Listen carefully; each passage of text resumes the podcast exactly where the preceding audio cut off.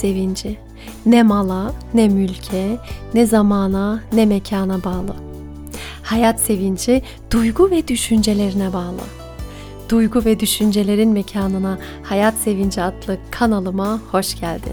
İsmim Ebrar Demir ve bugün de hayata dair sevincini birazcık daha arttırabilmek için sevginin hayat tarzı olabileceğini sana sunmak istiyorum. Bu fikirle birlikte hayata farklı gözlerle bakmana.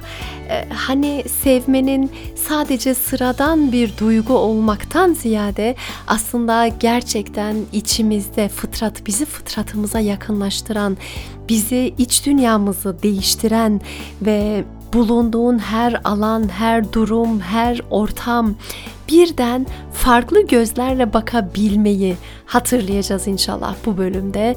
Hmm, hatırlatmak isterim. Hayat Sevinci Akademisi Güçlü Benlik programına kayıtlar çok çok az kaldı. Şu an senin dinleyeceğin gün cuma olduğuna göre sanırım bir 10 gün falan kalmış olabilir son kayıt için. Hayat Sevinci Akademisi Güçlü Benlik programı benim kendi ellerimle hazırladığım bir program. Eğer kendine kopukluk olduğunu hissediyorsan, eğer kendinle iletişiminin iyi olmadığını, e, bazı alanlarda hiçbir şekilde gelişmediğini düşünüyorsan mutlaka bu programa katılmanı tavsiye ediyorum efendim. Peki şimdi gelelim bölüme. Keyifli dinlemeler.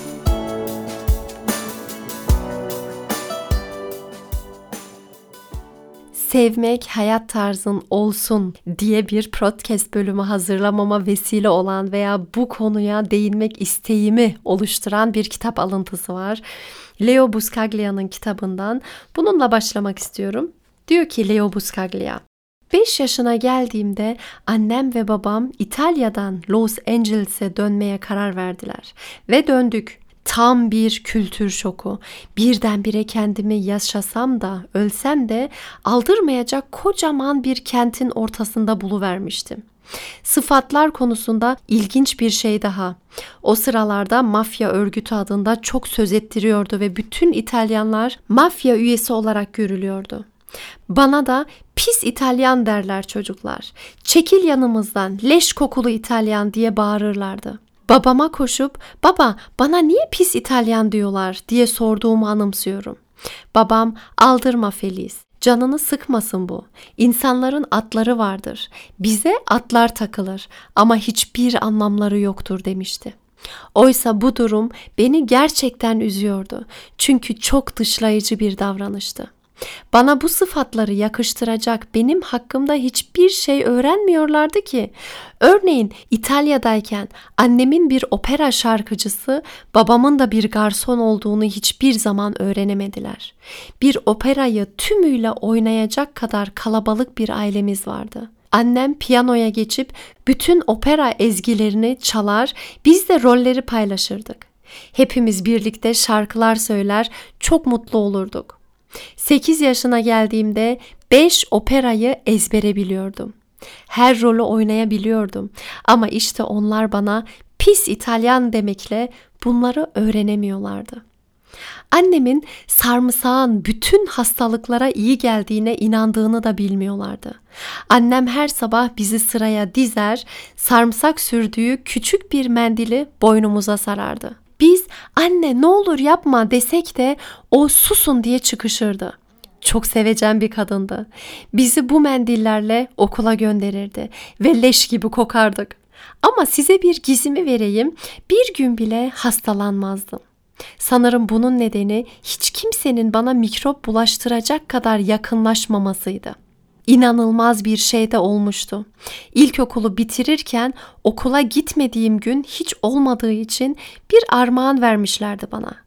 Şimdi çok kültürlü bir insan oldum ve boynuma sarımsaklı mendil de takmıyorum. Ama her yıl gribe yakalanıyorum. Onlar bana pis İtalyan dediklerinde bunu bilmiyorlardı işte. Bu alıntıdan aslında belki birçok şey öğrenebiliriz ama burada benim tutunduğum şey şu oldu. Benim o kadar çok getirdiğim bir şeyler var ki diyor aslında buradaki kitabın yazarı. Diyor ki İtalya'dayken annem opera sanatçısıydı. Beş oyunu ezberlemiştik. Bunu bunu getirdik. Bunu bunu yapabiliyorduk.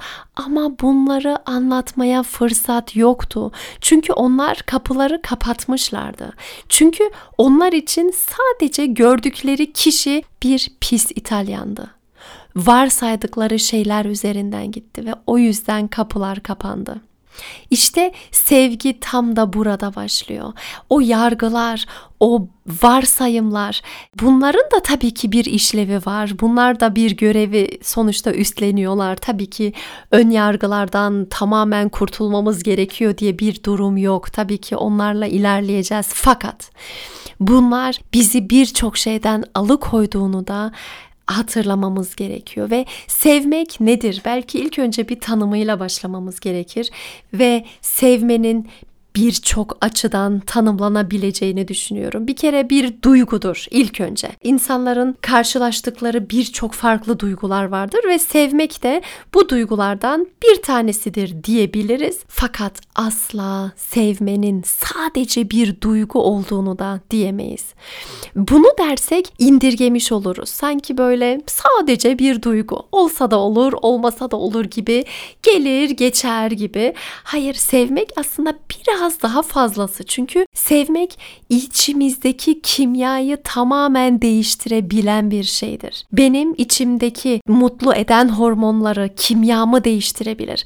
Ben sevmeye odaklanıyorsam, daha çok karşı tarafa bağlı hissediyorsam, karşı tarafla sohbetlere açıksam, onu yargılayıp da asla dinlemek istememek yerine onu dinleyip onundan gelen yeniliklere de kulak verirsem, kendimi açtığımda işte o zaman ben artık içten içe çok daha güzel bir kimya yani beni huzurlu edecek, beni mutlu edebilecek bir kimyaya fırsat vermiş olurum. Bu yüzden sevmek aynı zamanda kimyadır da. Sevmek aslında kurulan bağlardır, ilişkiyi yürütendir. Benim ya da senin her insanla bir kurduğun bağın var ve bu bağlar gözle görülmese de yine de varlar ve bu bağlar ilişkiyi de belirliyor.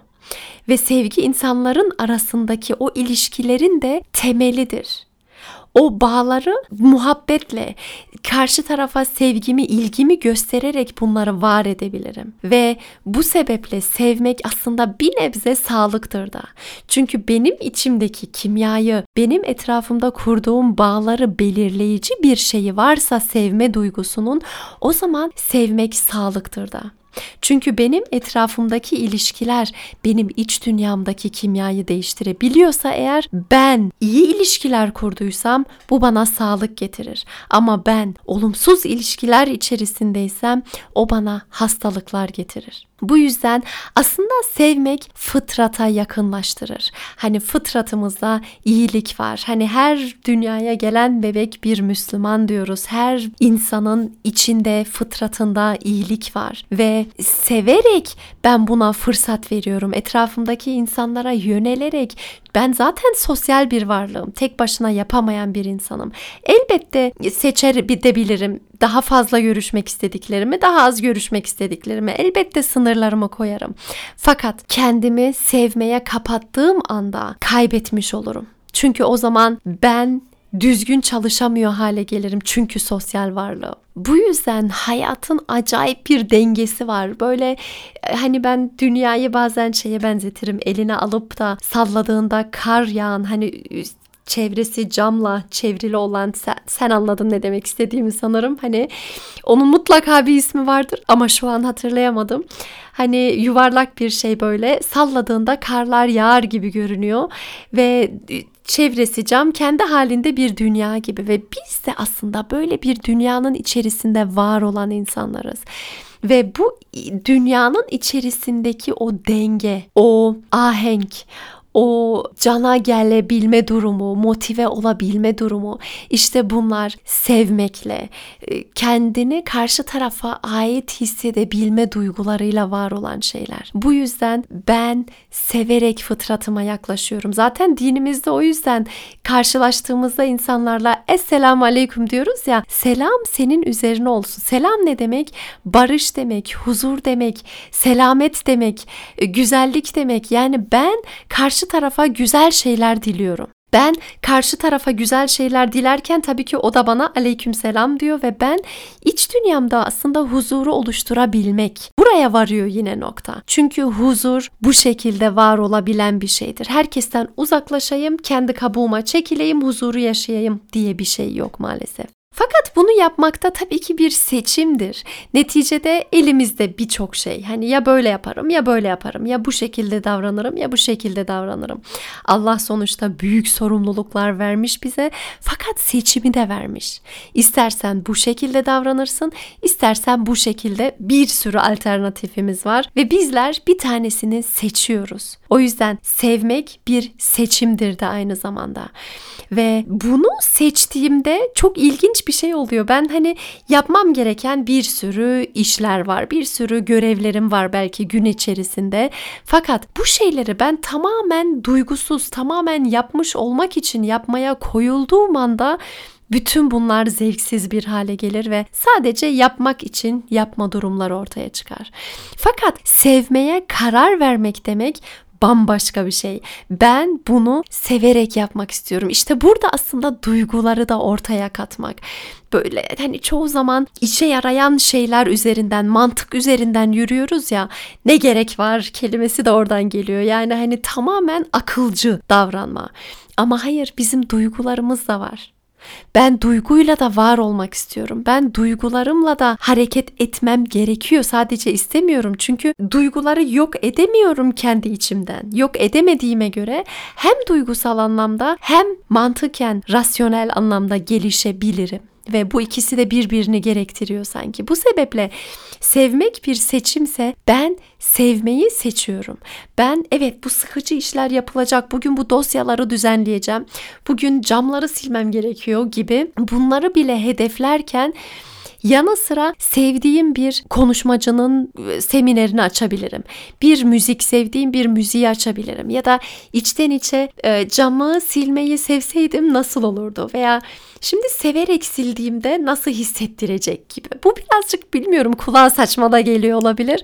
Ama böylesi etkinliklerle, böylesi düşüncelerle de hareket edebilirim. Çünkü duygularımı yok saymak yerine duygularımla yol alabilmek istiyorum ben diyebilirim. Bu yüzden severek yola çıkmak en sevmediğim şeyleri bile severek yapabilme haline gelebilir. Belki yine sevmeyerek yapacağım bir şeye niyet ederek Bugün severek mesela erteledi. Bugün canım istemedi ama yarın yapacağım. Üstelik severek yapacağım. Üstelik aşkla yapacağım. Ne yaparsan yap, aşk ile yap diyordu ya hani kimdi? Kenan Doğulu muydu hatırlamıyorum. Yaptığın şeyi severek yapmaya karar vermek ve burada zaten kendi konumuza şimdi geldik. Sevmek ve burada bu podcast bölümünde asıl değinmek istediğim mevzuya değiniyorum. Yani şimdiye kadar bütün konuşulanlar boşa mıydı? Hayır bunlar girişti. Şimdi asıl mevzu geliyor. Sevmek aslında bir hayat tarzıdır. Ben hayatımı sevgiye açıyorum. Ben hayat içerisinde ne yapıyorsam yapayım sevgiyle yola çıkmak istiyorum. Evet ağır imtihanlar beni beklemiyor mu? Bekliyor eyvallah. Ben bu hayata zaten dahil oldum. Allah tarafından görevlendirildim. Bu cana sahip oldum ya da sahip değilim. Emanet edildi bana bu can. Ve ben bu canla severek yola çıkmaya karar veriyorum.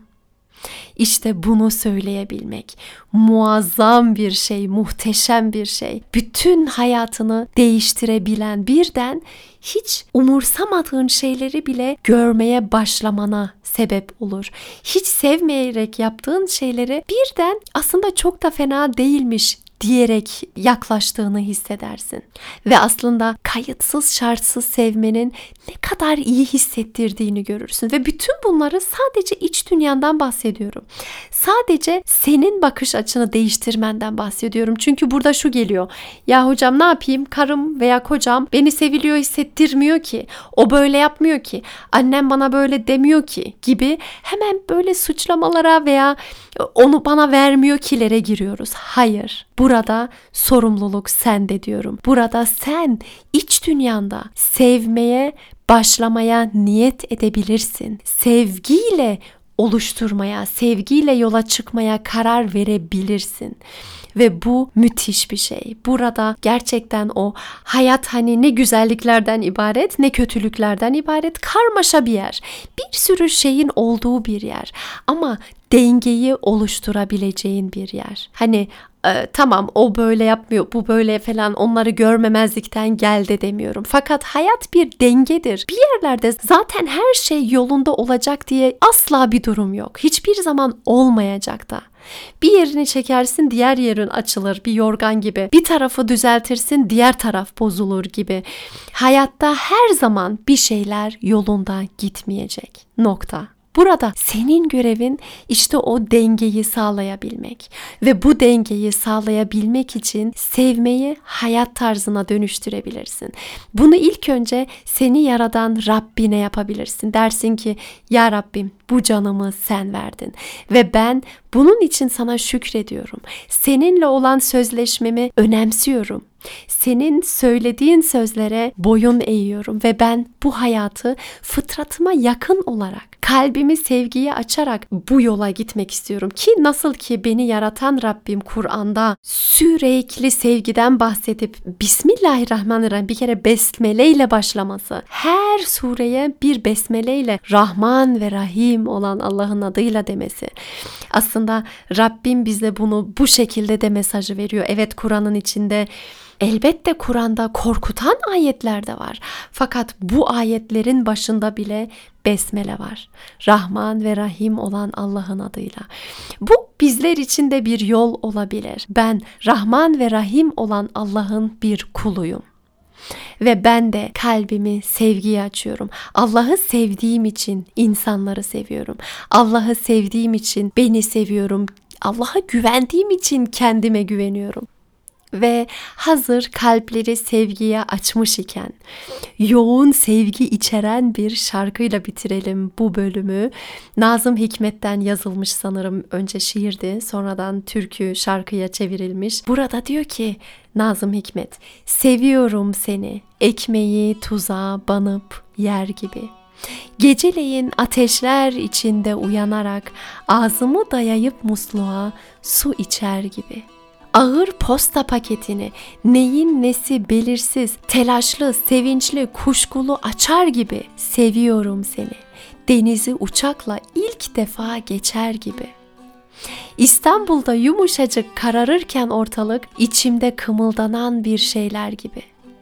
Seviyorum seni, yaşıyoruz çok şükür der gibi.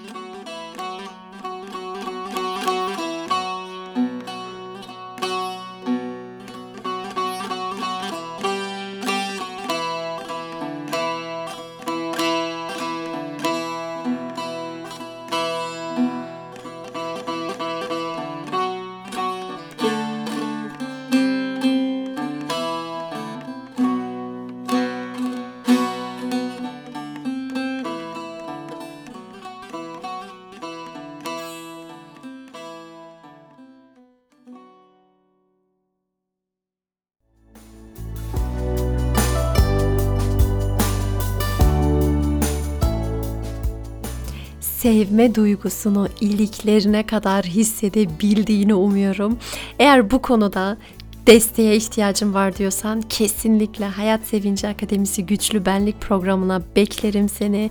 Birlikte Mayıs ayının 22'siydi sanırım yola çıkacağız ve bu yolculukta yine bir ay boyunca her gün sevgiyi yoğun yoğun hissedebilmeyi antrenman edeceğiz. Mutlaka bekliyorum eğer bu konuda desteğe ihtiyacın varsa. Genel anlamda desteklerin için çok çok teşekkür ederim. Beni dinlediğin için teşekkür ederim. Sevgilerimle Ebrar Demir.